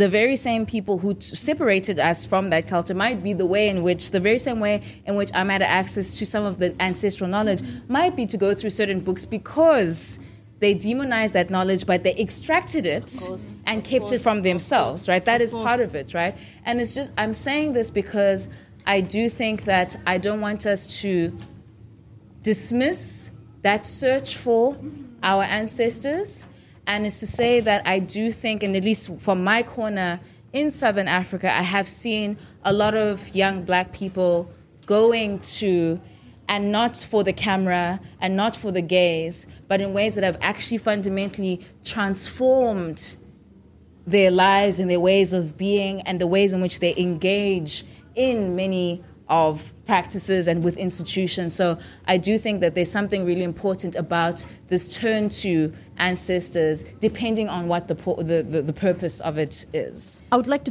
briefly respond to it very quickly, and then you, and then we open up the mic for the. But the thing is, I think you're, you're both right, but I would like to just point out one thing that I'm afraid that because of the neoliberal world that we all live in, even if you're on the continent, we're still mm-hmm. dominated by neoliberalism. I think we have to be mindful that this African spirituality doesn't go down the same route as yoga and Kabbalah. Jewish spirituality and yoga has completely been devoid of spiritualism and it's just become a lifestyle. So I think we should be kind of, we have to be mindful of that. That's all I just wanted to add. just just to add and then we open up i i think what uh, Nyancho is also addressing is this kind of The in some- commodification and the not, not even uh, because I think that's very clear. I think some of us have to also realize for some African spiritual systems, one has to listen almost a mm-hmm. lifetime mm-hmm. before one can be a participant, Right. depending on where mm-hmm. you're speaking from. You know, if you're speaking from Vodun, or you know, if I think about the Zar in Sudan, Somalia, southern Egypt. So it's really about like when do we take the time to listen? Kind of touching upon what you said. Um, earlier about like you know we need to think about it horizontally or this notion of time. I would propagate for collapse of time mm-hmm. because to collapse the past present and the future together because for many of us we come from languages that where that collapse mm-hmm. happens in the everyday. Mm-hmm. Like if i ask my grandmother you know when did that happen? and she says uh, today, but she actually referenced yesterday, and it might come with me into the future because she was no longer alive. So it's this I, I feel the same is happening. You know, it's like the white people's ecology uh, uh, hype that's not happening in the arts, in culture, and imaginative spaces. And then many of us coming from places where the everyday is the ecological disaster, like being again from East Africa, where we're either dealing with hunger or, or, uh, uh, um, or kind of the death trap that is ec- the ecological disaster of drought. And you know, and, and I feel then again for me that spiritual space that is that many of us are inhabiting in the arts in culture in academia does have a level of mm-hmm. performativity. And this is calling out from a place of love right? Because i feel nyancho i was in lagos. I saw those people i did not make it sound so fabulous the way you did because i guess you have to be nigerian for that. But we were there. It was in that space. And then i thought the gift of listening is missed upon those of us that want to cultivate, know, propagate and consume and then sell it back to the rest of us. And I feel on one hand we have to have be humble, but mm-hmm. sometimes I also appreciate like growing up, you know, in, in or coming up in the Netherlands in the late 90s, early 2000s and feeling many times that people would just tell me, sit your little ass down and listen mm-hmm. and I think that's that was a gift that was given to me, and I'm ready to give it to the rest. Although it doesn't it doesn't work like that. But you know, how do we keep sharing that gift of you know inviting people to be listeners? I sometimes have to tell young people that when I move fast and these institutions burn out within two months, that I spend years listening. I spend years fucking up. I, people saw me come up like there are people who, who, are, who left the arts. Many people in the arts in the Netherlands, black people, left the arts because they could not sustain, they were not allowed to survive, or they were not even, you know, they were uh, uh, um, kicked out. Like people like Ricardo, who spoke about how one of the institutions where all black justice events now happen, black liberation events happen, it was the place that he almost lost his house because they shamed him, they made him leave um, arts uh, because they kind of felt there's no space for, for black Dutch culture and for hip hop culture. And this is 2006. It's not that long ago. I remember. And then when people ask me, why do you boycott these type of places? It is because of what it did to um, this person, to Ricardo, and his livelihood, his future. So for me to boycott a place doesn't come from a you know me hating on the young black person that works there. It's to actually be always in solidarity for the generation that came before me, and at the same time allow that young black person to be present and alive and move in their own way. I'm not judging them. I'm sticking with my politics, and I think that that type of friction that many of us are moving, specifically in the Netherlands. I mean, I see it even in Hargeisa, where I'm like, the people who are getting Prince Claus Fund money are not the people doing the groundwork. And then the people who are doing the groundwork with the Somali uh, fest, uh, poetry are young people, you know, dedicating a life of study to Somali poets that I actually have to sit next to one of these youngins to completely understand Somali, although I spent years studying Somali, you know? Mm-hmm. But it's a language that you have to live through. It's not a language that you can technically know. You need to live Somali in order to know Somali. And I feel many of us, it's the same with the Yoruba propositions that you mentioned. I feel sometimes we need to live through something in order to be able to move into it wholesomely. wholesomely. And I think that takes time, and it might not be in this lifetime sometimes. So, yeah, just wanted to say that. And then we I I wanted to um, come back to you about what you said about the anthropologist and all that. Let me. The, the thing I want to make clear is I'm not saying there's a problem with them and the entry point being the white anthropologist. I have Thurstan Shaw. in my house. He's the he's not the one that discovered the Igbo-Ukwu bronzes, but he's the one that they call to excavate it and do the anthropological. I will read it. My problem is when do we start to realize that we are in a position of responsibility to res- represent ourselves oh, Absolutely. differently from the way that the an- anthropologists have, have presented us? So that's that's my, my charge to the photographers that are going to pho- photograph Oshu Oshobo Festival and Olojo Festival and this one festival and talk about Yemoja. You've read the anthropological we blame notes. Beyonce? well, I wanted to say that. I wanted to say that. You've read all of that, but again, I ask, did you stop to ask questions? Did you stop to listen? you know- because how do you, yes, you've read it, but understand that the way you present it is. Will, will form a, a strong narrative of who we are. Will, will, will, you're projecting something on all of us. So it's not wrong to read the white anthropologist. It's not wrong to enter through there. But what is problematic is hanging on to that Right, and not realizing the responsibility, the personal Right. responsibility. You might think it's just one picture and it's just one caption, but then someone else will read the caption and reproduce that same thing. It's that um, um, understanding, knowing of your responsibility as Okay, the while you creator. walk to your, the next person, let me. No, no, no. I, I want to say this. I think more broadly than those specific photographs is to say that a broader problem that we have is we do not take black thought, African thought seriously. you don't value it. Exactly. So why should I ask this priest about mm-hmm, what he is or mm-hmm, whatever? Mm-hmm, because there's nothing there, right? I don't trust that it has its own philosophy and its own internal logic in and of itself mm. for me to take seriously and understand on its own terms. And that's why I'm saying even when I mentioned the thing about taking seriously African ontology, African ways of apprehending the world, that will then inform for us to take that seriously. That photographer will then know that I should ask him. exactly. And I should know because I know that that white anthropologist is going through Lévi-Strauss. He's going through all kinds of systems to codify according to a very different epistemological system. But we don't take seriously that we have our own epistemologies that are also not ossified, but also Precisely. move through time. And that understanding is part of the work that we need to do, not just when we are looking at Oshun Festival, for example. It is also when you're theorizing what happens at Ojo Legba, for example. What mm-hmm. happens when, for example, you're looking at what is happening on Netflix or you're looking at, at Nollywood. People on every day, people are speaking through and theorizing. And one site I would think is a very important one is music and thinking about the body.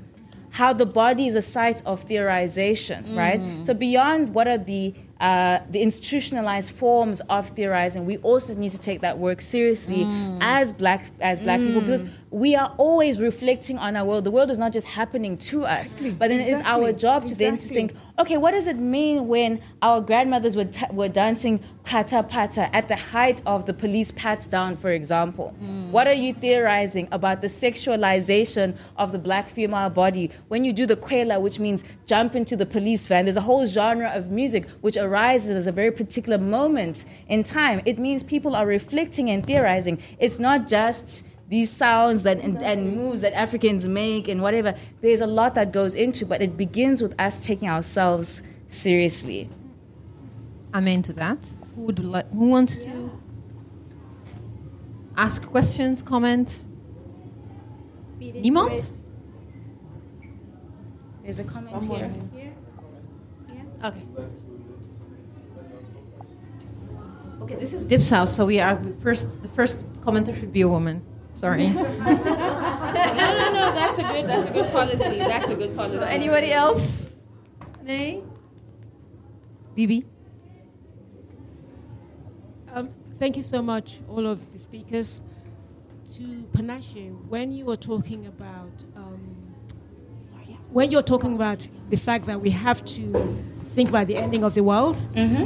you didn't elaborate on that. What do you mean when you say we have to reckon with ending the world in order to gain our freedom and emancipation. Could you say more on that? Right. So, if you go back to and you listen to our ancestors, at least in southern Africa, when the settlers came in the Xhosa or the Eastern Cape, one of the things people would say is ilizwe lifile, meaning the world is dead. Meaning that it is not just the land that has been taken, it is an entire way of being that has been destroyed.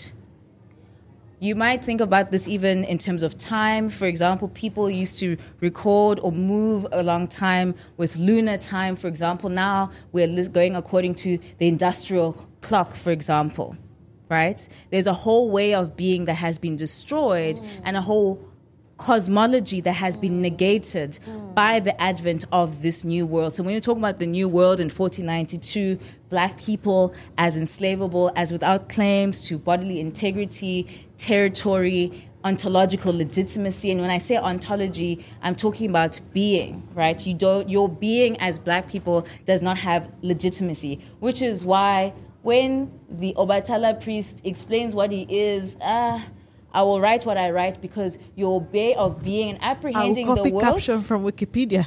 right? I will take the caption from Wikipedia because what do you people know about the world?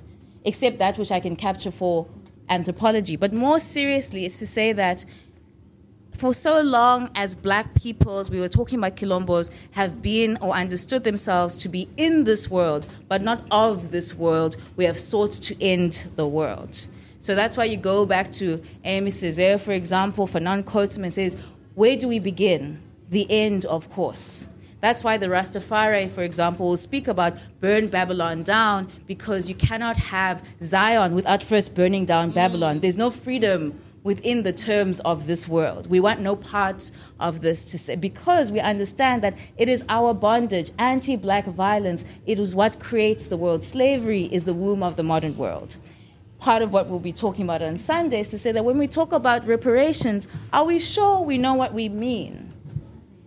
because to get repair and reparations would mean that we have to destroy the world. None of this would survive. Are we willing? Are to go we that willing far? to go that far? Are we willing to go through the age? Because you're not even sure you're willing to get fired. Are we Let willing? alone- Let alone, and it's, I'm not saying this rhetorically. There's a reason why when the Haitian president in the 2000 Aristide called for reparations, there was a coup immediately afterwards. This is not a joke because they understand that the Dutch Golden Age comes as a result of the slave trade. Descartes is thinking, I think, therefore I am. This is happening because the slave trade is happening, the trade in African bodies. He's talking about bodilessness as a condition for rationality. The metaphysical and material womb of the world is slavery. So if you're going to undo this, you have to undo everything. There's nothing that can survive this. And it's, the question is, are we willing to go there? It's not even a question for the colonizers because we know they're not willing to go there. That's not even our issue. The issue is, are we? Because everything as we know it must be undone in order for this to end. Mm. And if we go into history, if we listen to our ancestors, there are traditions of this. Because I think one of the key problems is this fiction that the best in black radical thought is derivative of Western thought. So the idea that we have black Jacobins, for example, the Haitian Revolution was ultimately about liberal or bourgeois proletarian struggle, for example. But you take away Fatiman, you take away Boukman.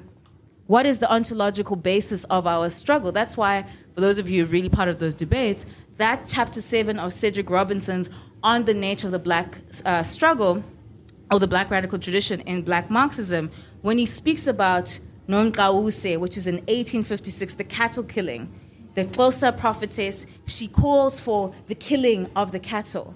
If you read it at sort of from according to Western rationality, it was an irrational decision. And most of our accounts about that were from those who had converted to Christianity and Western Christianity, and the idea being that that was an irrational act. But what is cattle according to African cosmology?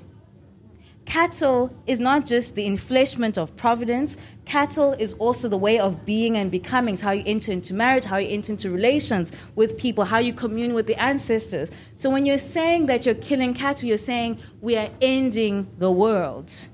Bear in mind that her ancestors had been the one who's just said, Ilizwe lifile. Right? Which is why, for example, in South Africa, when we talk about reclaiming land, they always say you're going to tank the economy.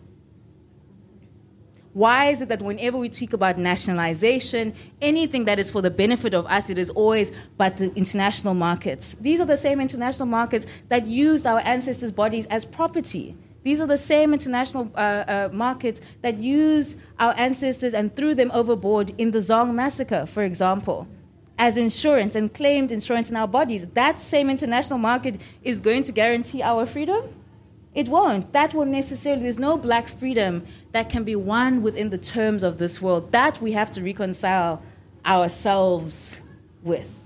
And I don't think we have yet because the idea that our ancestors were just liberal subjects struggling to be emancipated into 21st mm. century bourgeois democracy that's and not it state. and the nation state like right exactly it's not and the point being that we have to think beyond this being the ideal of freedom and have to fundamentally reimagine and i don't think we've yet taken that step forward to think about what exactly are we asking for, it's nothing less than the end of this world. Next question. There's no, oh.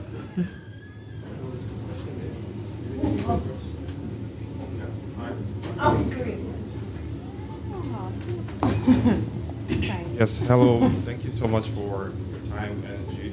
Um, as someone who moved two years to Netherlands now from Nigeria, and uh, you know trying to ask myself uh, what is the essence of the things I've done. I think uh, a combination of the viewpoints that you all share is actually quite important. And there's a new thought that comes to mind as I process in and try to think about how I can take all that uh, you know has been given. Is that do we see that there are new frontiers of change happening? Like for instance, Ghana is in debt and they're talking to China, Russia.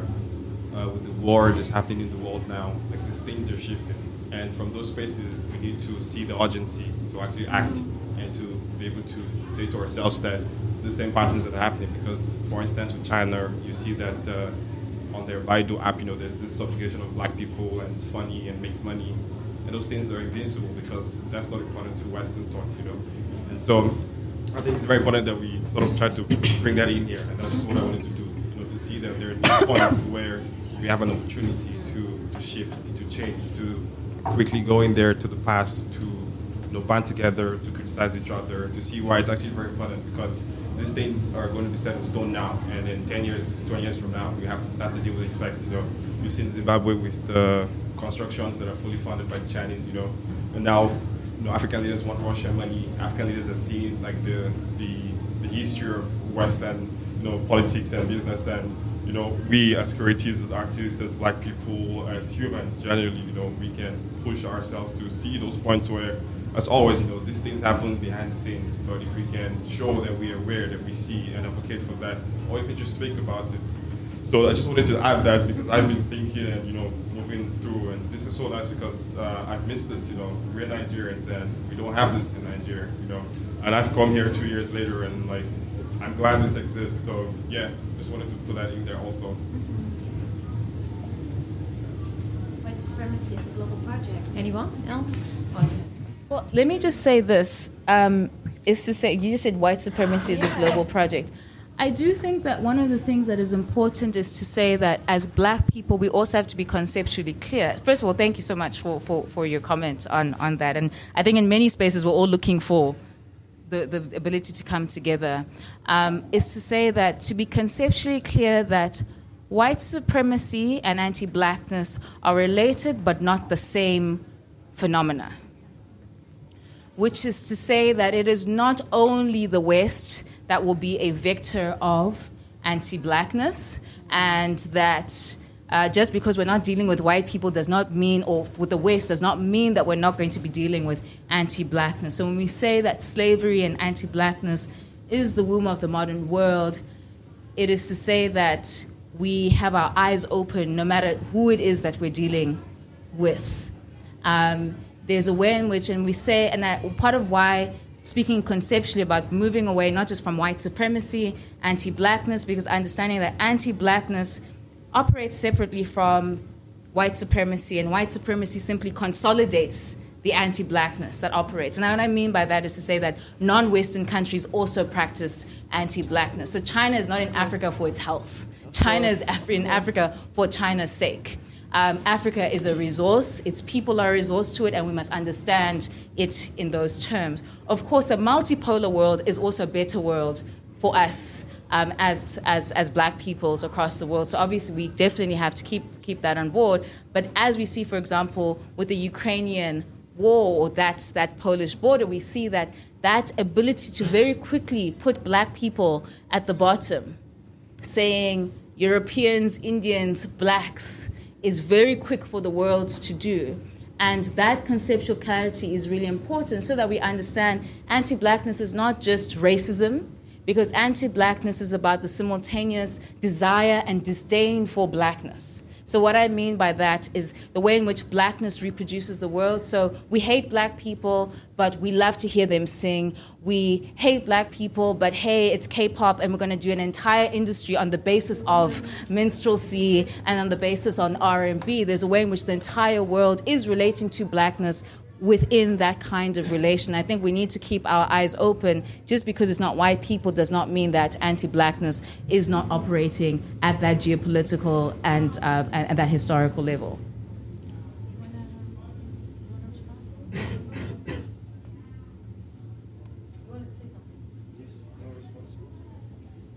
Hello, uh, my name is uh, Babu Katembo, and um, I am uh, yeah?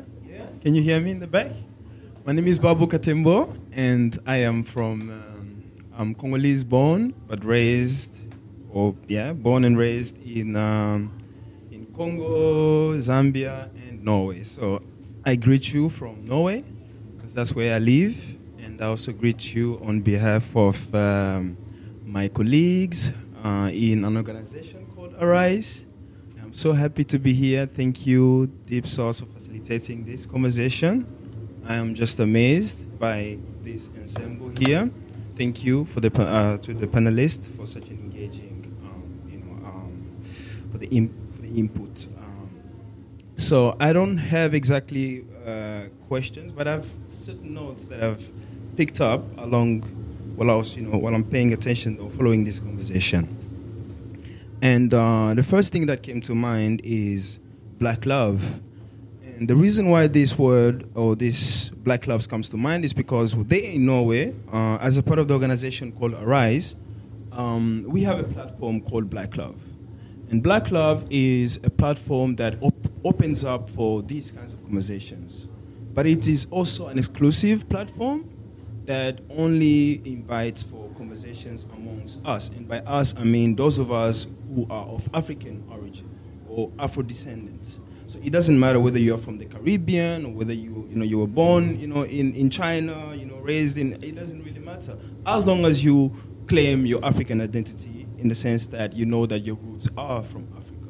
And the reason why we make those conversations, uh, or we, we facilitate for these conversations and limit it to us is because we believe that in order for this change and transformation to happen, all, this, all everything that we've spoken about, you know, everything, first thing maybe that needs to happen is for us to be able to face each other in our own intimate spaces where we can confront our we can confront one another and be bluntly honest about the reality in which we live in.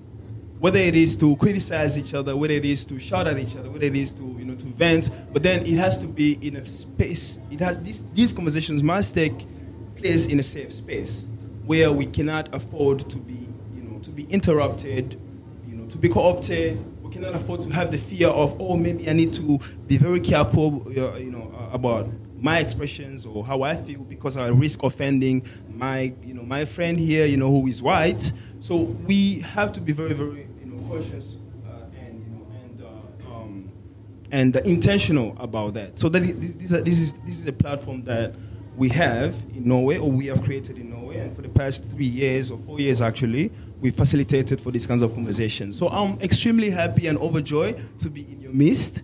Last time I was in the Netherlands was four years ago, and I didn't have any chance to participate in anything remotely close to this. So this is amazing for me. Like I'm so happy, and this is where I feel probably most at home. It doesn't matter whether I'm in Norway or anywhere around the world, but as long as I am amongst my people, and we are discussing our issues, our problem, our challenges, our struggles, you know, our everything, and I think that is already in itself a huge leap forward because it is, you know, like uh, we have a saying in, in my culture that, you know, when two stones, you know, are, are grounded against each other, that's when, you know, you create, you know, fire. That's when you have the spark. And I think we shouldn't really lose focus in terms of, you know, the, um, we shouldn't underestimate the importance of facing each other. Regardless of our differences, as my sister was emphasizing here, you know, regardless of our, you know, whatever, I think it's extremely important. So that was the first thing that I just wanted to say. And, um, and moving forward, um, the points that my sister here, like I really, really enjoyed your, you know, your everything that you're sharing with us. Like I feel, I can feel you because you are reducing a lot of what we are talking about to the, the, the individual. And it reminds me, I'm a collective thinker, and that's why I'm a part of the organizations in the first place. And I would recommend all of you to really, really, really ask yourself whether it is time to be a part of an organization or to be a part of Deep Dipsaus because that's also a really, really much more effective way. yes, that's, that's, that's, that's, that's my, I believe it's, it's the most effective way to enact change is if you're part of the collective. But still, though, I paid attention to what you were saying, my sister, and it really, really, really resonates with me because it brought to mind um, a very popular phrasing or, or whatever you want to call it, uh, which is the revolution will not be televised. Mm-hmm. That came to mind. And not only that, but also Another quote that came to mind was a quote by a man, uh, one of our outmost or foremost revolutionary, Kwame Ture, uh, who says that, you know, um, the role of the of the conscious is to, you know, is to um, is to help the unconscious become conscious. That is, those of us who have the information, those of us who have the knowledge, mm. you know, those of us who have went through that personal individual transformation where we've accessed, you know, we've seen the light, we have a responsibility, a personal responsibility to help the next person, whether it's your brother, whether it's your sister, anybody that is closest to you, to also attain that awakening. So it is in that aspect where you can start to enact change. You don't necessarily have to dream big and think about whether you know you you know you're gonna join you know your political uh, you know the you know the biggest political party in the Netherlands. It doesn't really have to be that you know that far you know that that big but it is to accept that personal responsibility and understand that in order for us to progress as a people, at some point, you have to be very, very honest with yourself and ask yourself these questions. Are you capable, you know, and able, you to accept the responsibility that comes with embracing that liberation, you know, which we are all looking forward to, right? And I think that is an extremely important uh, um, aspect to this. so I think I'm going to stop there and I'm going to let other people speak. But I really, really appreciate you, all of you, for allowing me to take up so much space. And uh, still, I feel really, really, really, um, I feel very much at home. And I hope that we can continue to engage each, each other exactly. in these conversations. Exactly. And the focus here is black love. Mm. Yes. We love each other yes. because that's the best way. You do not. I think Marco, Martin Luther King said this. He said, you know, uh, you do not, uh, the best response to hate, because what we've been victim of is that hatred, you know, that hatred stems from jealousy, that streams from, you know, whatever it is that, you know, those, our enemies, you know, sought to extract from us, has always came with the fact that they have to enact that acts of self-hatred or hatred, which is the hatred of the self, but then is, you know, um, it is uh, reflected towards us. Then we internalize it and then we start hating each other and we start, you know, antagonizing one another. So then the best way to kind of like counteract that it is to learn to love one another, to appreciate each other, mm. and to look each other in the eyes. In the everyday practices that my sister has been emphasizing on. That is what change for me looks like. Is mm. this mm. that transformation. So thank you so much. thank you. So, I think we have like five minutes left. One more woman? Yeah, no, yeah, thank you so much also for sharing this, uh, for bringing, I guess love is always a great note to end. Yeah. so, Um, and and and I feel like this conversation could go on and on and on, and there's many topics that were addressed. I feel like, you know, I guess love and disappointment because you know if we're we're aiming for for the end of the world, then we also have to expectation manage ourselves, learning from the previous generation that if you're aiming for the end of the world from a place of love, then you have to be ready to be disappointed as a person you know? And i and i think i'm, I'm just proposing this because i was reading about how they killed like fred hampton when he was 21 Mm-hmm. how they killed so many revolutionaries and everyday people literally like Mm-hmm. everyday people that what you were saying about these songs about getting into the bus um, the police vans they made songs in order to actually reimagine the world for themselves. And i think it is also in music and in arts that we use as pockets of freedom momentarily temporal as you said so i feel there's a lot to chew on so maybe we actually hold the space for this and thank you so much for listening and i wanted just to give both of you all three of you a bit of a space to say a gifting for the to go. Just more like as a closing, you know, uh, comments. If you have any closing comments, um, so feel welcome. no pressure. Dun, dun, dun. Exactly. I will just say, and then you can say something, and I will, you know, just as a, you know, love is hard. Love is not easy. Any of us in our family situations, eh, with your friends, with your lover, love is hard if you're committed to it. Yep. And love is a choice. It means showing up every day. It means I'm still doing this. I'm going to love you despite yourself. I'm going to be disappointed. But it means I'm making a choice to be here. And when I think about family and I invoke family and kinship a lot, not because it's a romantic space, sometimes the people who you love the most hurt you the most. And I think when you really coming to what you've been saying throughout this about the everyday, the everyday is black love. How do you show up? Everyday black love meaning, okay, um, am I going to decide to ask for, you know, the black movers, for example, even though they might take a little bit more time than the white mover, for example, right? Am I going to go? No, and it's important because that's the everyday. That's the everyday. Oh my gosh, they're a little bit more expensive because they're smaller, but okay, they're not as efficient because they haven't been doing it for so long. But that's patience. That's a lo- are we worth it? Go back to Gwendolyn Brooks and saying we are each other's harvest. If we don't do this for each other, who's going to do it? you know, and I think at the day to day level, that is what the black solidarity is. That black love, not from a from a romantic perspective, but just saying love is a hard thing because people who you love you the most, or the people you love the most, hurt you the most. Black love hurts. But am I the first time, the first sign of trouble, going to then disappear and say, ah, this is why I don't deal with black people? this is why I don't want to be with black men. This is why I don't want to be. No, but those are the conversations at the most intimate level. Before we speak about the geopolitics of the UN and whatnot, that's what it means. Am I going to work with that photographer again? Mm. Unless because they do she the didn't right show up, she was late, African time, and whatever. But this is what I mean at, at both. So I think it is the most intimate level is that Mm. love level about you know who do I choose to mm. spend my time with, who do I choose to give myself of, who do I choose to presence with, and mm. presencing is not easy. It is going to be sitting with someone through mm. goodness and bad, and the question is, are we worth it to each other? True. Right. What, what, what, what do you say to that? I just love the way he, first of all, boiled it down to love, which is the crux of everything we're dealing with here. Is and how you have brought it also down to that day to day. The only thing I can say to add, I mean, what else to add to what you said now, is I think it's time for us to also start thinking about the action of it, mm-hmm. Not just the feeling of it. Mm-hmm. Because it is love, yes, but how do you turn that love?